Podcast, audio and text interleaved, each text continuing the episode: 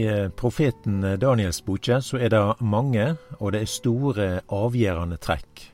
Eh, det er mange ting som har med verdensrikene å gjøre. Samtidig så ser vi de enkle ting. Og kanskje det er de enkle ting som avgjør òg, og som endrer verdenshistorien. Vi skal se på det. Vi kan jo nevne den der eh, kong Nebukaneser, det babylonske riket og medoperserne og grekerne og det romerske riket. Men jeg har òg lyst til å nevne Guds rike. Og i profetboka Daniel så ser vi også Guds rike, og det trer fram på en helt annen måte enn hva som har med de andre rikene i denne verden å gjøre. Rikene i denne verden, de skal alltid være store, og lederne de kan gjøre krav på både tilbedelse og makt. De skal sjølve være store, og de set minnesmerke etter seg sjølve. Men i Guds rike der er det noe annet. Og her i profeten Daniels boke så ser vi noe av disse trekkene her, da. Vi kan lese ifra kapittel seks og vers elleve hjå Daniel. Så snart Daniel fikk vite at skrivet var sendt ut, gikk han inn i huset sitt. I salen sin der hadde han å, eh, åpne vindauget, vende mot Jerusalem, og tre ganger om dagen bøyde han kne i bønn og lovprisning for åsynet til sin Gud, nett som han hadde gjort før. Da storma disse mennene inn og fant Daniel med han held på å be og kalla på sin Gud. Vi kan jo undre oss på hva som er de store ting i denne verden. Vi ser i alle fall hva som endrer verden og vi ser hva som har med bønnens makt å gjøre. Vi ser òg noe av denne kampen som er her i profeten Daniels boke. Det blir gjort et forsøk på å få Daniel bort som forbeder. Det var noen som ikke likte at han ba. Og det var noen som la opp planer om å få Daniel bort. Kanskje det var det som så ut som det som skulle felle Daniel. Det vart hans seier. Det er makt i de fallede hender og tre ganger om dagen så var hans auge, hans sinn og hans hjerte vende mot Jerusalem i bønn. Og det er dette som er Daniels styrke, det er dette som er årsaken til at det var ei høg ånd i han. Og det vert jo sagt her om Daniel, her i kapittel fem og vers tolv, for jo han fanns det ei høg ånd, kunnskap på sjøen, evne til å tyde draumer, løyse gåter og greie ut vanskelige spørsmål, fann dei jo Daniel, han som kongen gav navnet Belsasar. Så her ser vi noe av det som er Daniels styrke. Det er at han, ja, Gud har plass i livet hans. Bønene har plass. Bibelen og det som har med Den hellige ande å gjøre, det er noe som har stor råderett og romslighet jo Daniel. Og det var dette som var Daniels styrke. Daniel hadde med Gud å gjøre. Og vi leser jo òg her i eksempel i Salme 25 og vers 14 at Herren har fortrulig samfunn med deg som ottast Han, Hans pakk skal verta kunngjort for dei. Og her ser, ser vi da at Daniel han sitter inne med en heilt annen kunnskap enn det som disse her kalderene og disse tegntyderne har. Daniel sitter på sanninga, Daniel har ei kjelde, og det er Gud. Og dette er noe som blir gjort gjennom det som har med Bibel og bønn å gjøre. Og eh, profeten Daniels boke, profetnøkkelen, denne viktige boka, det profetiske perspektivet, det sier noe enkelt, og noe som da har med bønelivet å gjøre, og hva det er for noe. Og det er noe som er personlig. Daniel han hadde et rom, det var hans kyrkje eller hans gudstjenester. Her var det bønn. Og det var noe som var fast. Bønelivet var ikke noe tilfeldig, på den måten at en ba til Gud når en fikk tid. Jeg tror det er viktig å merke seg eh, disse sanningene her når det gjelder bønn. Og Jesus sier også noe om det samme her i Matteus eh, kapittel 6 og vers 6. Men du, når du ber, Gå da inn på rommet ditt og lat att døre, og be til Far din som er i det løgnde, og Far din som ser i det løgnde, skal løne deg i det åpenbare. Og det er jo dette vi ser jo Daniel. Han er et eksempel på det.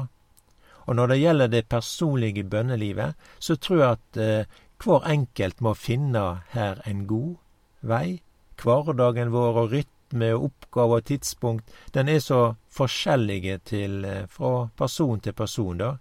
Men ut fra det så er det viktig da å ha et fast bønneliv, og at det er personlig, at en er aleine med Gud. Og dette er viktige, og det er heilt sentrale eh, poeng hjå en kristen. Daniel levde på ei tid som ikke var så enkel. Han var jo bortført fra Jerusalem, og han var omgitt av mennesker som var misunnelige på han, og her var det òg mange krevende oppgaver. Men han lot ikke det gå utover de stille stunder med Gud. Det var heilt avgjørende stunder, da, og det var stunder som gav han både energi og kraft til oppgavene som han hadde i hverdagen. Og det forteller oss da at disse stundene her, om de ikke blir prioriterte, så blir kristenlivet både kraftlaust og tamt. Skal du eie ei høg ånd i ditt liv, da er det da at Den heilage ande må ha stor romslighet i livet vårt. Og, og, og da er med disse stunder med Gud. Det er det med en bibel, og det er det med bønn. Og når det gjelder bibellesningen til Daniel, så kan vi lese det i kapittel 9.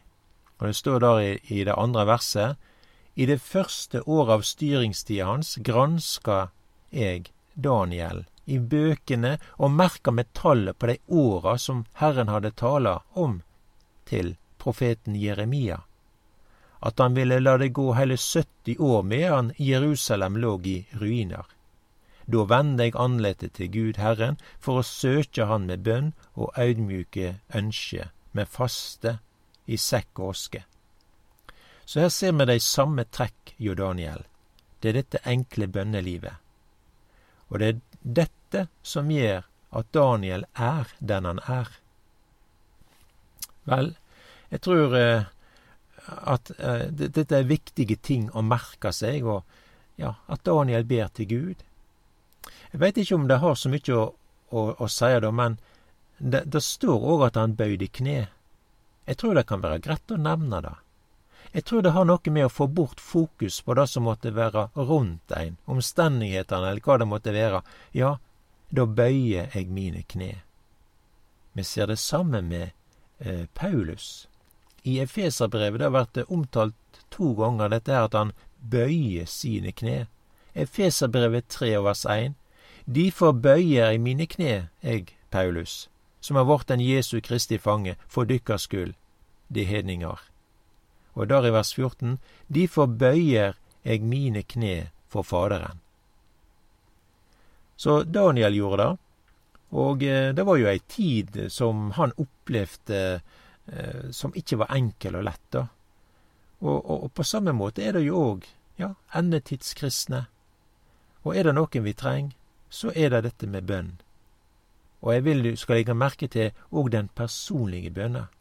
Dette med å gå inn på rommet, dette med å lukke døra etter seg og være aleine. Aleine med Herren. Og så ser vi òg da at bønelivet, det endrer historien. Det endrer nok den enkelte, men også de store trekk, verdenshistorien. Det er mange som er redd når de kristne ber. I mange muslimske land så er det ikke løv for de kristne å samles og be i lag. Men det er viktig dette her med å involvere Gud i sin hverdag, og det gjør du med bønn. Det hadde ikke vært noe problem med Daniel om det ikke hadde vært for dette her at han ba til Gud. Og det er mange døme som vi kan nevne her, både for hverandre her, sånn da, men vi kan ta Ester som et døme også.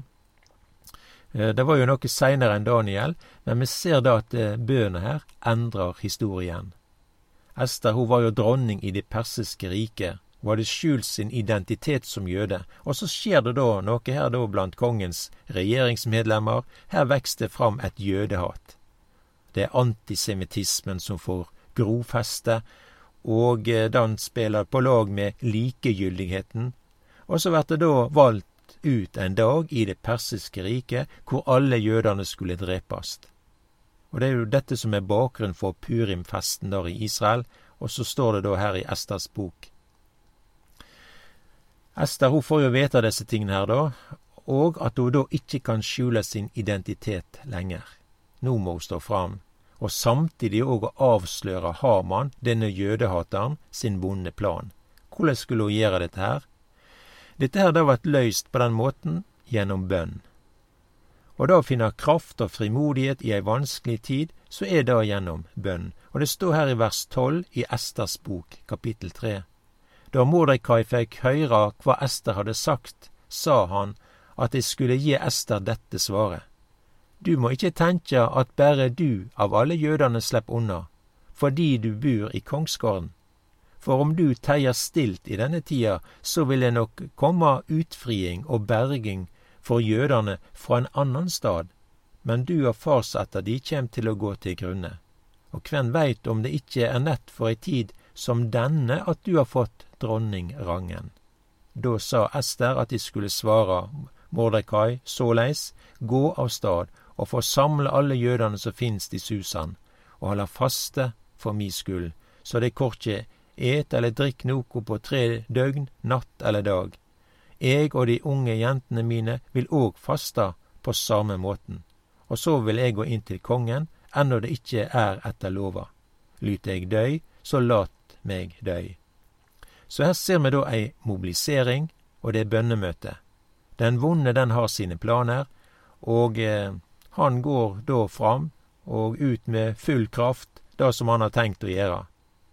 Men det var en Daniel som skulle bort i det babylonske riket, og det var jødene som skulle bort i det persiske riket. Men den vonde lukkast ikke med sine planer. Og det som Ester gjorde, det var da at hun gikk bønneveien. Og bøna den endrar historien. Det vart ikke noe av denne dødsdagen til jødene. Haman denne jødehateren vart sjølv drept. Og det var med denne enkle bønn. Vi ser hvor det avgjørende betydning dette har. Vel, det vart kanskje noe trøblete for Daniel på grunn av bønnestunder som han hadde, at han var og ba til Gud. Det var jo dette som gjorde at han vart kasta til løvene, og kong Darius hadde jo sagt da at ingen skulle be til noen andre enn til seg sjølv, ja, til kongen. Og Det står her da i kapittel 6 her i, i eh, Daniel, vers 13 eh, der. Det gikk så fram for kongen og spurte med påbudet fra kongen i tankene, har du ikke sendt ut et påbud om at hver den som innen 30 dager er lidende, be til noen annen gud eller til noen eh, menneske uten til deg, konge, skal kastes til løvehåla? Og kongen svarer, det ordet står fast etter urikkelig lov jomederne mederne og perserne.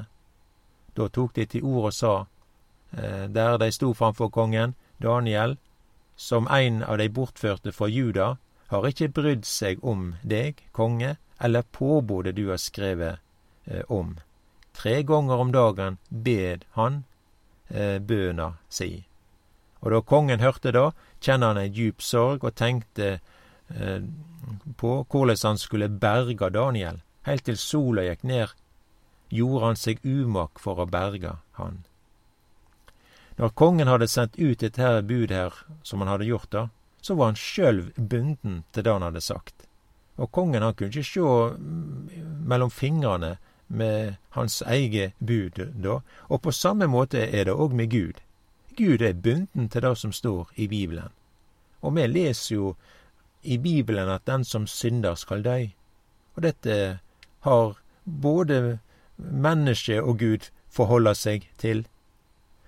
Men mennesket har løst det på den måten, da, som Gud har vist, at de lot et uskuldig dyr eh, dø for seg. Og i Israel der skulle det alltid være et offer på alteret, til soning for folkets synd.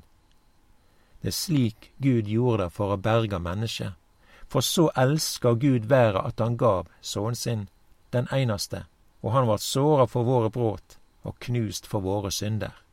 Jesus er en stedfortreder. Han er den reine, den skuldlause og frie. Men han går i vår plass. Og det er jo her i Romerbrevet fem det står, og vi leser, for medan vi ennå var skrøpelige, døde Kristus til fastsatt tid for ugudelige. Og det er slik eh, at Gud viser òg sin kjærleik til oss ved at Kristus døde for oss medan vi ennå var syndere. Og Gud viser sin rettferdighet. på Golgata, og han kan si da den rettferdig som har trua på Jesus. Og det er mange lærdommer her hjå profeten Daniel, og så ser vi også at det er de enkle ting som går hand i hand med de store og profetiske linjer. Vi ser et kristenliv som et levd i hverdagen. Og hvor de henter sin styrke fra. Bøna den endrer verdenshistorien. Bøneveien den er den samme i dag, og her er det rike frukter å hente. Og vi er endetidskristne, og her er da vår styrke, inntil Jesus kjem att. I bønerommet. Jesus kjem snart igjen.